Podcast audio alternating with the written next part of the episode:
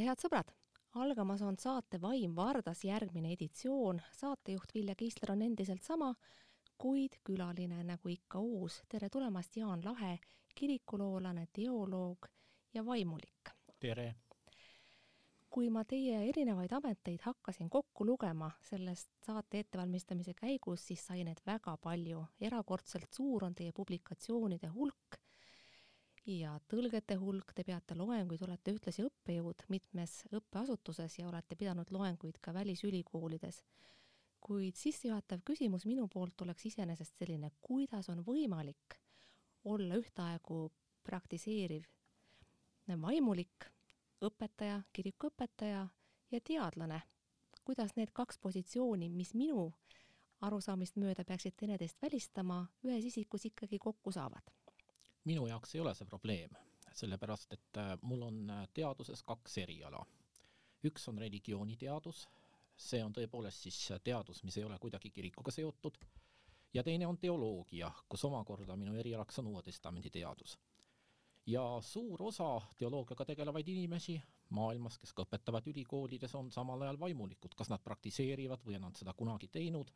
aga igal juhul see on täiesti tavaline praktika, et teoloog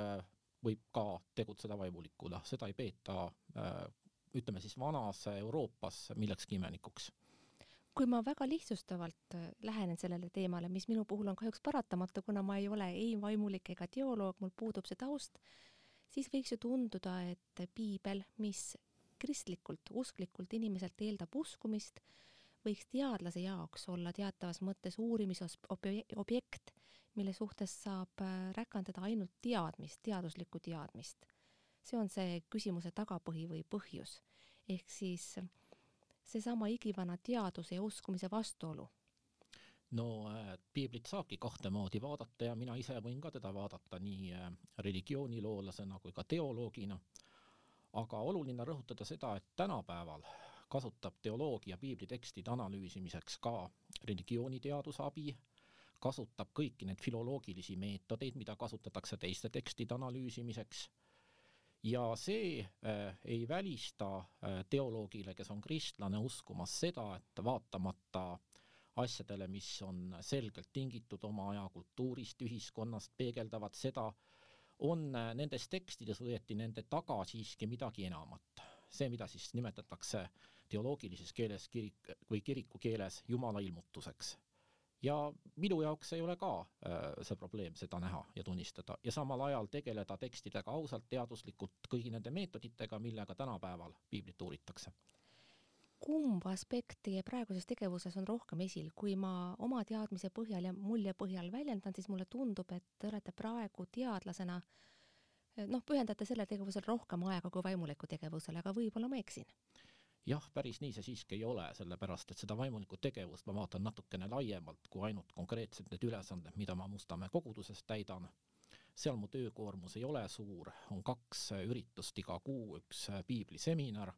kus me just analüüsime teaduslikult piiblitekste siis on üks loeng,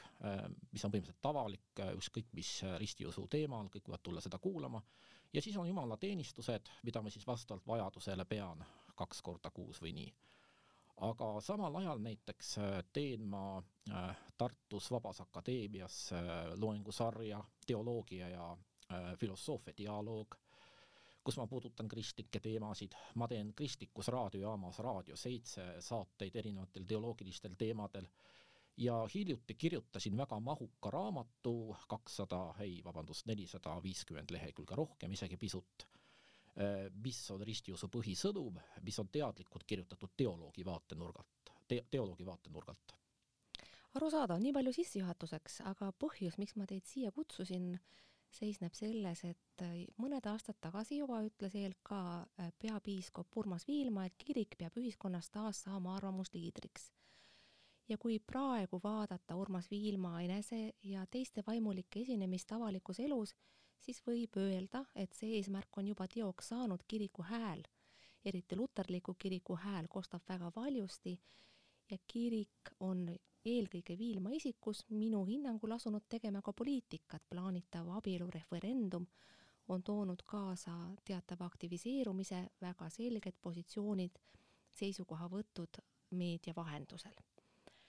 Iseenesest ei oleks selles ju midagi küsitavat, ma kujutan ette, et teie ajaloolase, ajaloolise pilguga ütleksite ka, et võim ja kirik on alati olnud omavahel teatavas suhtes, kuid arvestades olukorda, kus me oleme praegu Eestis, kus polariseerumine neil teemadel on erakordselt terav, võiks siin saates selle üle mõtiskleda. Ja mulle tundub selleks ajendiks sobivat teie enda sõnastatud kahe tuhande üheteistkümnendast aastast pärit humanistliku kristluse manifest, mis on üles pandud petitsiooni keskkonnas, kus inimesed said sellele siis, nagu ma aru saan, ka allkirju anda.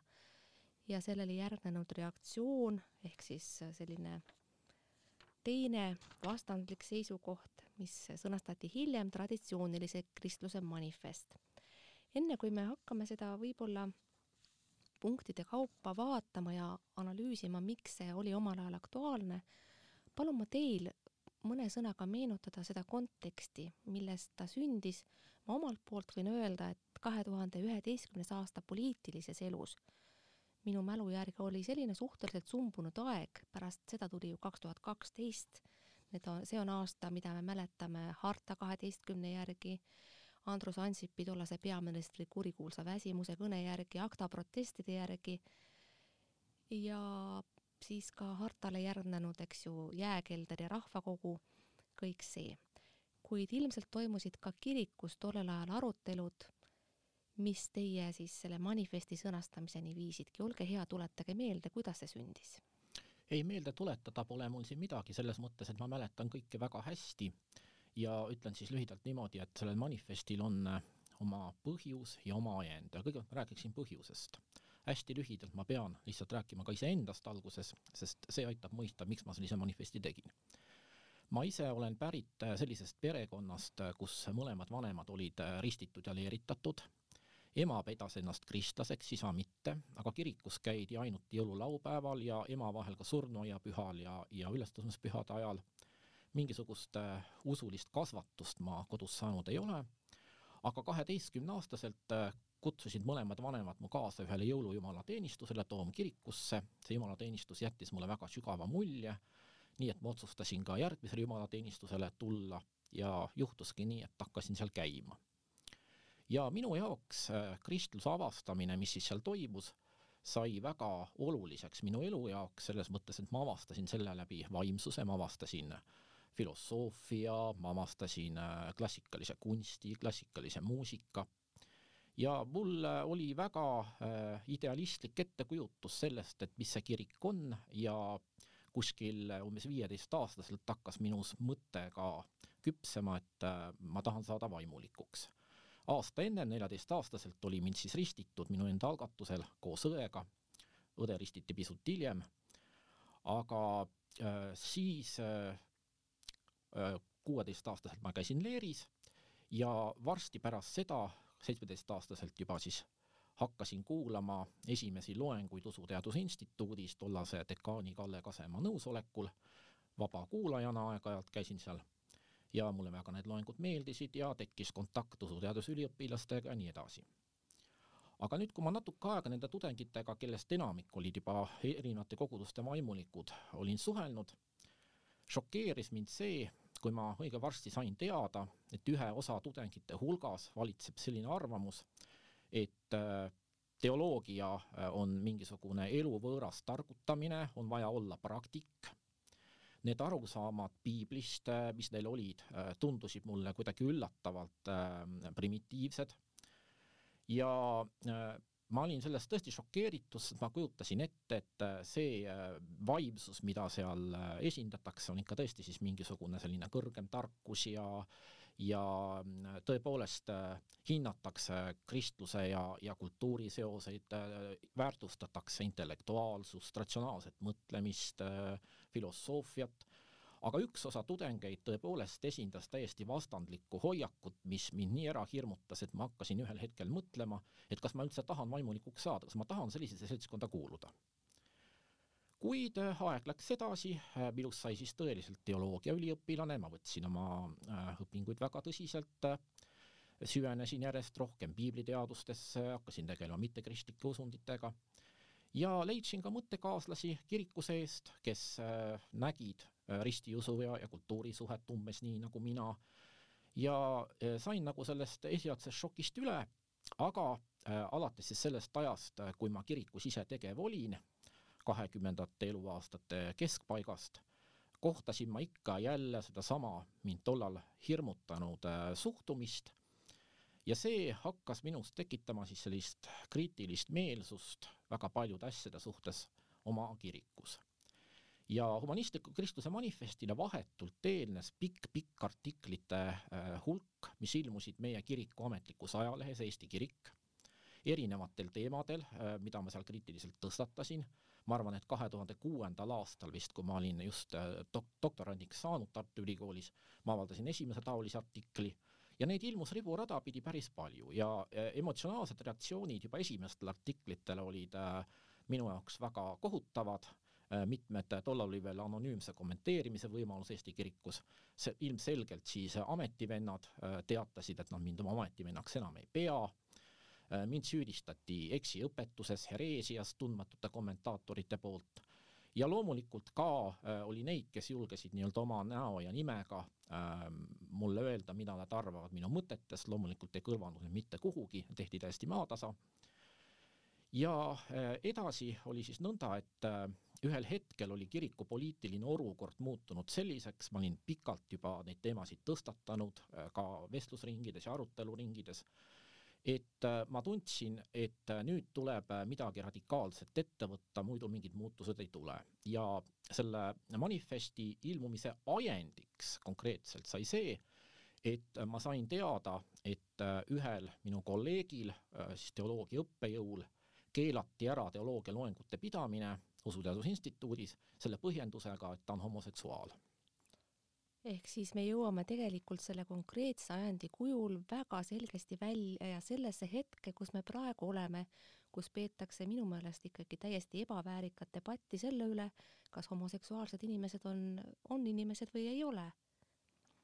noh, see on nüüd natuke liialdatult öeldud, aga äh, ma meelega liialdasin. jah, ma saan aru, aga mis puudutab tõepoolest äh, seda suhtumist homoseksuaalsetesse inimestesse, siis äh, ma olen kokku puutunud väga äärmuslike hoiakutega ja arusaamadega kus neid inimesi on noh, sõna otseses mõttes mõnitatud, naeruvääristatud ja seda kõike on püütud põhjendada piiblitsitaatidega nii et selles mõttes seesama, sama probleem äh, on, on endiselt päevakorral, ei ole, ei ole ta kuhugi kadunud äh,. kuigi võib öelda niimoodi, et mis on muutunud aja jooksul, muutunud on ikkagi nende kiriku liikmete ja ka vaimunike hulk, kes selles küsimuses on teist meelt ja kes ei ole ka siis nõus sellise äh, noh, tõesti siis vä vääritu suhtumisega nendesse inimestesse, kes on sõna võtnud nende kaitseks ja kes leiavad, mis kõige põhilisem, et homoseksuaalsuse küsimus vajaks ikkagi väga tõsist teoloogilist läbimõtlemist, uurimist äh, ja oleks vaja dialoogi ikkagi, sisulist dialoogi sellel teemal, kuidas ikkagi peab suhtuma inimestesse, kes ühe asja poolest erinevad meist, aga seda dialoogi äh, sellisel kujul, nagu see olla võiks, pole paraku tekkinud loomulikult ma ei hakka küsima, kes oli see konkreetne inimene, küll aga tahaksin ma teada saada, ma usun, see huvitab ka teisi, mis temast nii-öelda sai, kas ta tõrjuti tõepoolest täiesti kõrvale või on ta ka praegu vaimulikes ringkondades tegev? kuidas ta ise elas üle seda, mis juhtus? ta elas loomulikult üle seda raskelt ja tegev on ta äh, oma äh, ühel spetsiifilisel erialal äh,, hingehoiu erialal see on üks selline teenus, mille, mille järgi tundub, et meie ühiskonnas nagu vajadus pidevalt kasvab, sest inimestel on palju psüühilisi probleeme, hingehoidjad on saanud spetsiaalset psühholoogilist koolitust, suudavad inimesi aidata, aga kiriklikult jah, tegev ta enam ei ole. kui nüüd tänapäevaseid praeguseid debatte jälgida, siis on ELK peapiiskop Urmas Viilma väga selgesti välja öelnud, et homoseksuaalsed inimesed ei tohi saada ähm, pastoriks, nad ei tohi olla preestrid. küll aga on nad teretulnud kiriku liikmetena ja, ja sellisena igati ka hoitud ja armastatud mm,. arutelu selle üle, mm, kuidas peaks sellesse suhtuma, minu meelest võiks olla ju ka leitud vastuses, mismoodi Jumal inimese lõi ja me, isegi minusugune profaan teab, et Jumal lõi inimese oma näo järgi. Kui ta lõi meid oma näo järgi, siis kas ei peaks olema nõnda, et ta ka homoseksuaalsed inimesed oma näo järgi lõi? jah, just nimelt peaks ja tänapäeva teoloogid ma arvan, et järjest enam suurem osa seda niimoodi mõistavadki ja see inimese jumalanäolisus kristlikust seisukohast on just nimelt see, mis annab inimesele tema väärikuse, väärtuse, mõtte ja selles mõttes on absoluutne kriteerium, et sõltumata sellest, millise seksuaalse orientatsiooniga inimene on, milline on tema maailmavaade, isegi kuidas ta reaalselt äh, on, on toiminud inimesena siin maailmas, siis see jumalanäolisus äh, on temas ikka olemas, see ei kao mitte kuhugi. Kui te tookord rääkisite oma murest, et äh, kirikus toimuvad arengud, mille tulemusena süvenevad autoritaarsus, suletus ja sallimatus ja tõite esile oma veendumuse, et kristlik sõnum eelkõige peaks olema humanistlik, siis praegused arutelud avalikult viitaksid pigem sellisele tulemusele selle manifesti puhul, et ta justkui ei täitnud oma eesmärki. Needsamad küsimused mis olid põhjuseks ja ajendiks selle manifesti kirjutamisel, on praegu ühiskonnas veelgi teravamad, eriti selles aspektis, mis puudutab suhtumist homoseksuaalsetesse inimestesse ning polariseerumised mm, vähemasti ühiskonnas tervikuna on ikkagi väga teravad, kuivõrd eh, see tookordne manifest, üheksa aasta tagune dokument, täitis oma eesmärki teie enda hinnangul kirikuringkondades seestpoolt vaates no kui väljaspoolt vaadata, siis võib tõesti öelda, et äh, midagi muutunud ei ole, aga seestpoolt vaadates võin ma kinnitada, et manifesti mõju oli. Tõsi äh,, äh, reaktsioonid sellele manifestile olid äh, ääretult äh, ägedad. Äh,, noh, ettearvatav oli loomulikult see, et see, see pahandab paljusid ja pahandab eeskätt siis äh, selle mõtteviisi esindajaid äh, kelle vastu manifest oli suunatud, ehk teiste sõnadega, kes siis pooldavad sellist autoritaarset kirikut, mis nõuab tingimusteta kõigi oma seisukohtade tunnistamist, mis ei luba mingisuguseid intellektuaalseid arutelusid, mis äh, ka tänapäevast teoloogiat, ütleme tänapäevase piibli uurimise taset äh, ei arvesta, ei pea seda vajalikuks ja nii edasi ja nii edasi. aga nüüd kiriku sees on siiski toimunud see muutus ja seda on mulle öelnud paljud inimesed, et nendele see manifest andis julgust ja lootust et teistsugune kiriku nägemus on ka kiriku sees olemas ja kui päris aus olla, siis mina ei lootnud naiivselt seda, et see manifest nüüd muudab kirikut üleöö, äh, nii nagu ütleme, mõned mu oponendid äh, niimoodi siis äh, irooniliselt mulle seda ütlesid, et noh, et mida sa loodad, et kas sa nüüd mõtled, et see muudab kirikut, ei, ei, see ei saa niimoodi olla aga tegelikult äh, on paljud inimesed öelnud, et manifest andis neile selles mõttes julgust, et nad nägid, et selle kiriku sees on inimesi,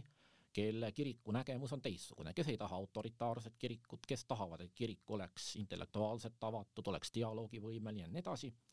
Ja mis on kasvanud selle manifesti tulemusena, noh, mitte muidugi ainult manifesti tulemusena, siin on ilmselt ka muid põhjuseid olnud, ka näiteks muudatused kirikuvalitsuse liikmete hulgas on kindlasti oluline. Aga see manifest on äh, andnud äh, selles mõttes julgust, et äh, mingisuguseid sanktsioone otseselt ju minu suhtes ei rakendatud pärast seda, tõsi küll, mind ähvardati, hoiatati ja, ja tõepoolest ka sain sõimu ja ähvarduskirju. andke andeks, ma pean vahele segama ja küsima, kes teid ähvardas, kas oli ka mõni selline inimene, keda me avalikult teame ja tunneme kui tuntud vaimulikku? kes olid need ähvardajad? ähvardajad olid eh, osalt mulle täiesti tundmatud erinevate Eesti koguduste ilmikliikmed ja paraku eh, olid ka mõned ametivennad, kes leidisid, et ma olen valesti toiminud ja põhisüüdistus, mis mulle tehti nagu nende ametivendade poolt, oli siis see, et mitte, et ma mingit eksiõpetust levitaksin, aga ei tohiks selliseid kriitilisi küsimusi, mis kiriku sees on üles kerkinud, tuua avalikkuse ette. Ja, ja vot siin ühesõnaga minu, minu seisukoht tänaseni on hoopis teistsugune, et, et kui kirik tahab olla nii-öelda ühiskonnas nähtav, nii nagu me siin rääkisime, siis ta peaks olema nähtav igas mõttes, et äh, ühiskond peaks olema ausalt teadlik ka nendest sisemistest probleemidest ja näiteks ka sellest, et kiriku sees on erinevad suundumused, arusaamad, nägemused üldse, mis see kirik peaks olema, milline kristlus peaks olema, mis on kristluse põhisõnum ja nii edasi ja nii edasi. Aga nimesid ma muidugi nimetada ei taha, sest äh, tegemist oli ikkagi mu ametivendadega ja äh, hiljem ei ole sellel teemal ka väga palju enam juttu olnud aga mis paljude jaoks julgustuseks oli see, et mingisuguseid otseseid kiriklikke sanktsioone keegi ei rakendanud minu vastu, ma sain oma tööd jätkata kirikus edasi. Ja see andis julgust nendele vaimulikele ja ka ilmikutele, kes on töötegijad kirikus, kes on siis ka umbes selliste seisukohtade nagu mina ja, ja julgust said nad selles mõttes, et äh, nad said aru, et äh, on hakatud ikkagi taluma eriarvamusi kirikus, kohati võib see talumine raske olla, aga põhimõtteliselt talutakse. ja näiteks nüüd praegusel hetkel, vaadates nüüd tagasi sellesse aega, võin ma küll öelda, et äh, nende inimeste hulk, kes on seda meelt, et kirikus võivad olla erinevates küsimustes, muuhulgas ka homoseksuaalsuse küsimuses, eriseisukohad, on kasvanud nii ilmikute kui vaimulike hulgas ja seda ma pean küll äh, selles mõttes lootustandvaks äh, märgiks, et äh, ma arvan, et mingisugusel hetkel on võimalik sellel teemal tõesti tõsine sisuline diskussioon. Ja, ja selles mõttes ma ei ole lootust kaotanud kiriku suhtes sugugi mitte. Kuivõrd on praeguses seisus kirikus aktuaalne arusaamine, nagu te sõnastate seda selles samas manifestis, et piiblit tuleks eelkõige vaadelda ajaloolises kontekstis nii nagu seda seletavad ja tõlgendavad kiriku õpetustki. kui vaadelda seda vastust, mille teie manifestile tookord siis sõnastas Kristjan Luhamets, siis tema peab kõige tähtsamaks tuginemist Jumala sõnale väga otseses tähenduses, nii nagu ta kord on kirja pandud, ilma tänapäevaste tõlgendusteta. kuivõrd praegu mõistetakse vajadust või tarvidust seda ikkagi teie manifesti tähenduses tõlgendada tänapäeval, praegu mm? -hmm. no ma olen piibliteadlane ise ja, ja suhtlen üle maailma piibliteadlastega, kellest väga paljud on ühtlasi ka tegevvaimulikud ja võin öelda niimoodi, et äh, vähemalt need inimesed, kellega mina suhtlen, äh, on kõik äh, piibli küsimuses sama meelt, selles mõttes, et piiblit saab uurida nii nagu iga teist ajaloolist ürikut ja peab uurima nii nagu iga teist ajaloolist ürikut arvestades piibli keeli, selle muut-, nende muutumist, äh, piibli taustaks olevat kultuuri, ajaloolist konteksti. ja näiteks Usuteaduse Instituudis, kus ma olen äh, piibliteaduste õppejõud, on äh, selle kooli asutamisest alates pärast teist maailmasõda õpetatud piiblit just nimelt niimoodi, et teda tuleb ajalooliselt vaadata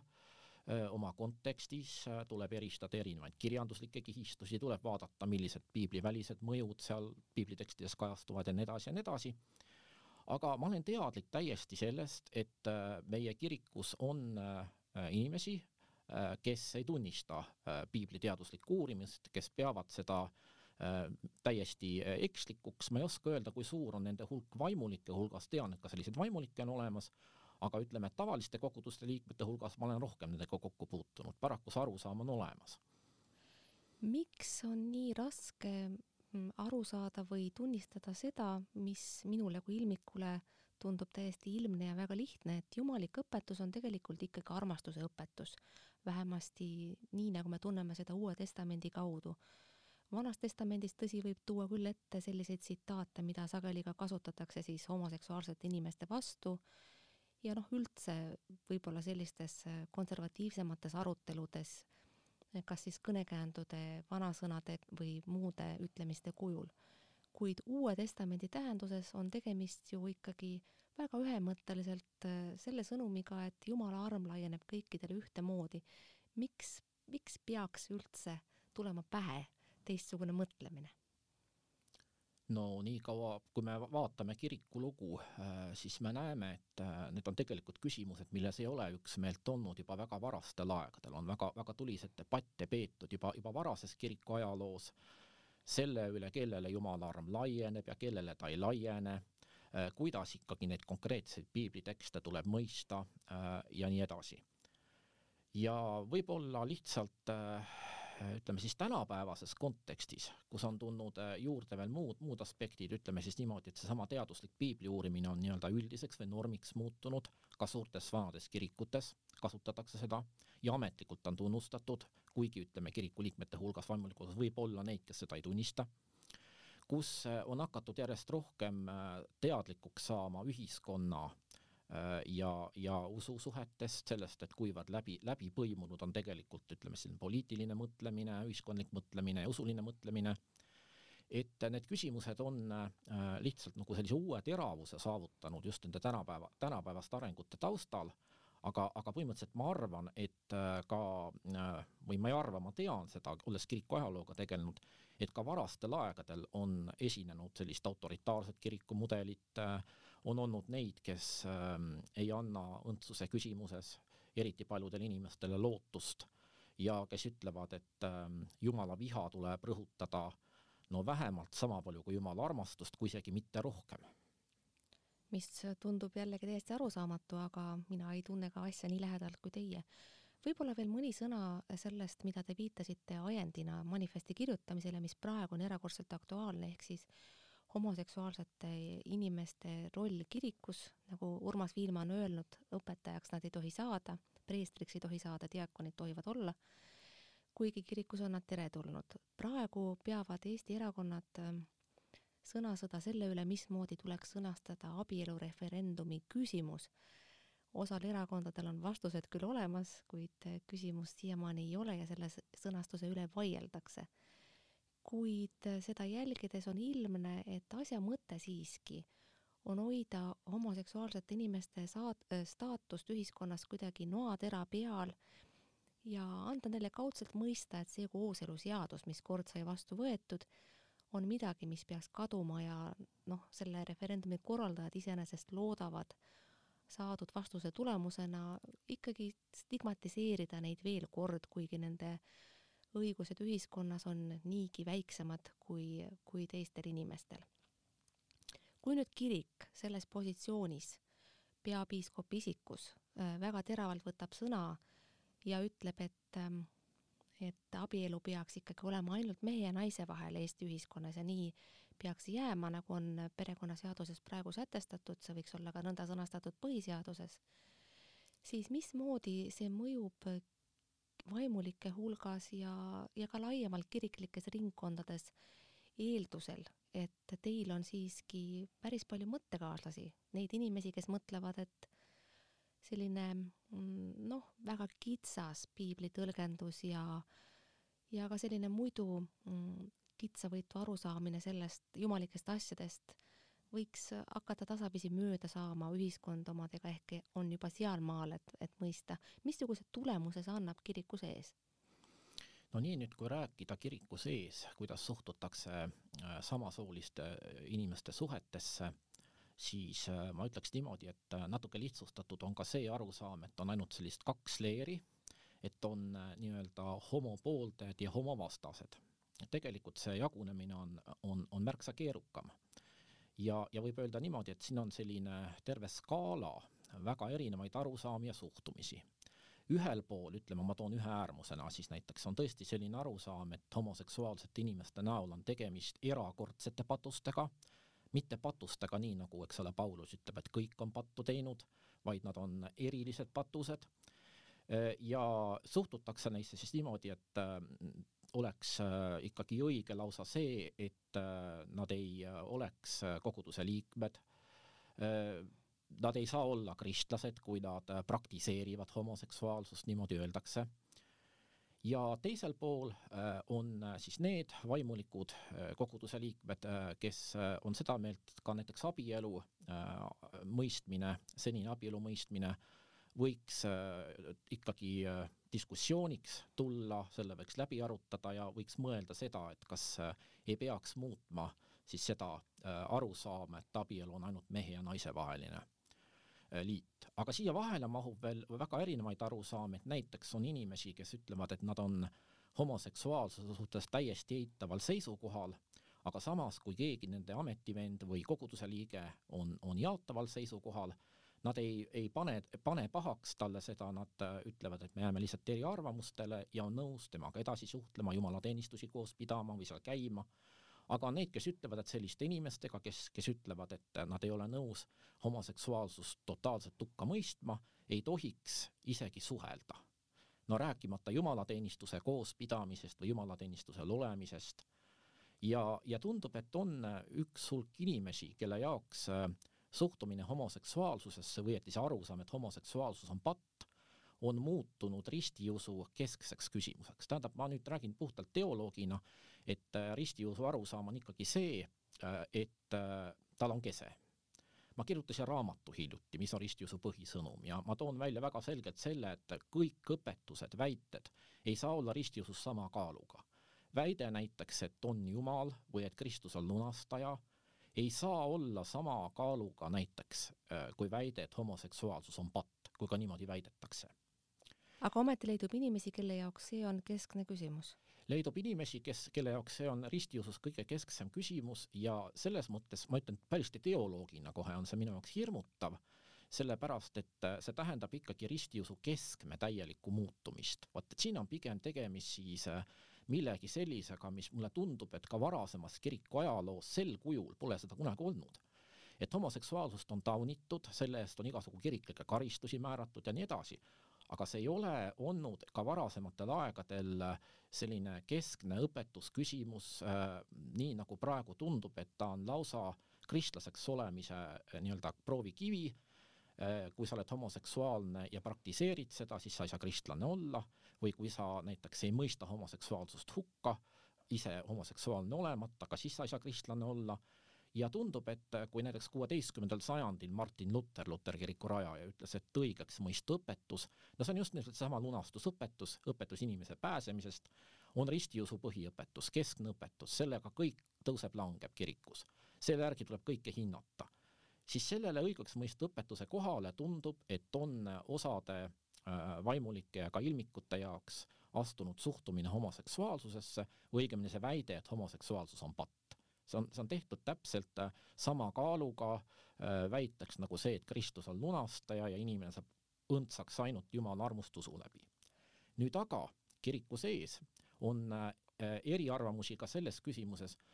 et kuidas siis, kui me ei pea homoseksuaalsust patuks,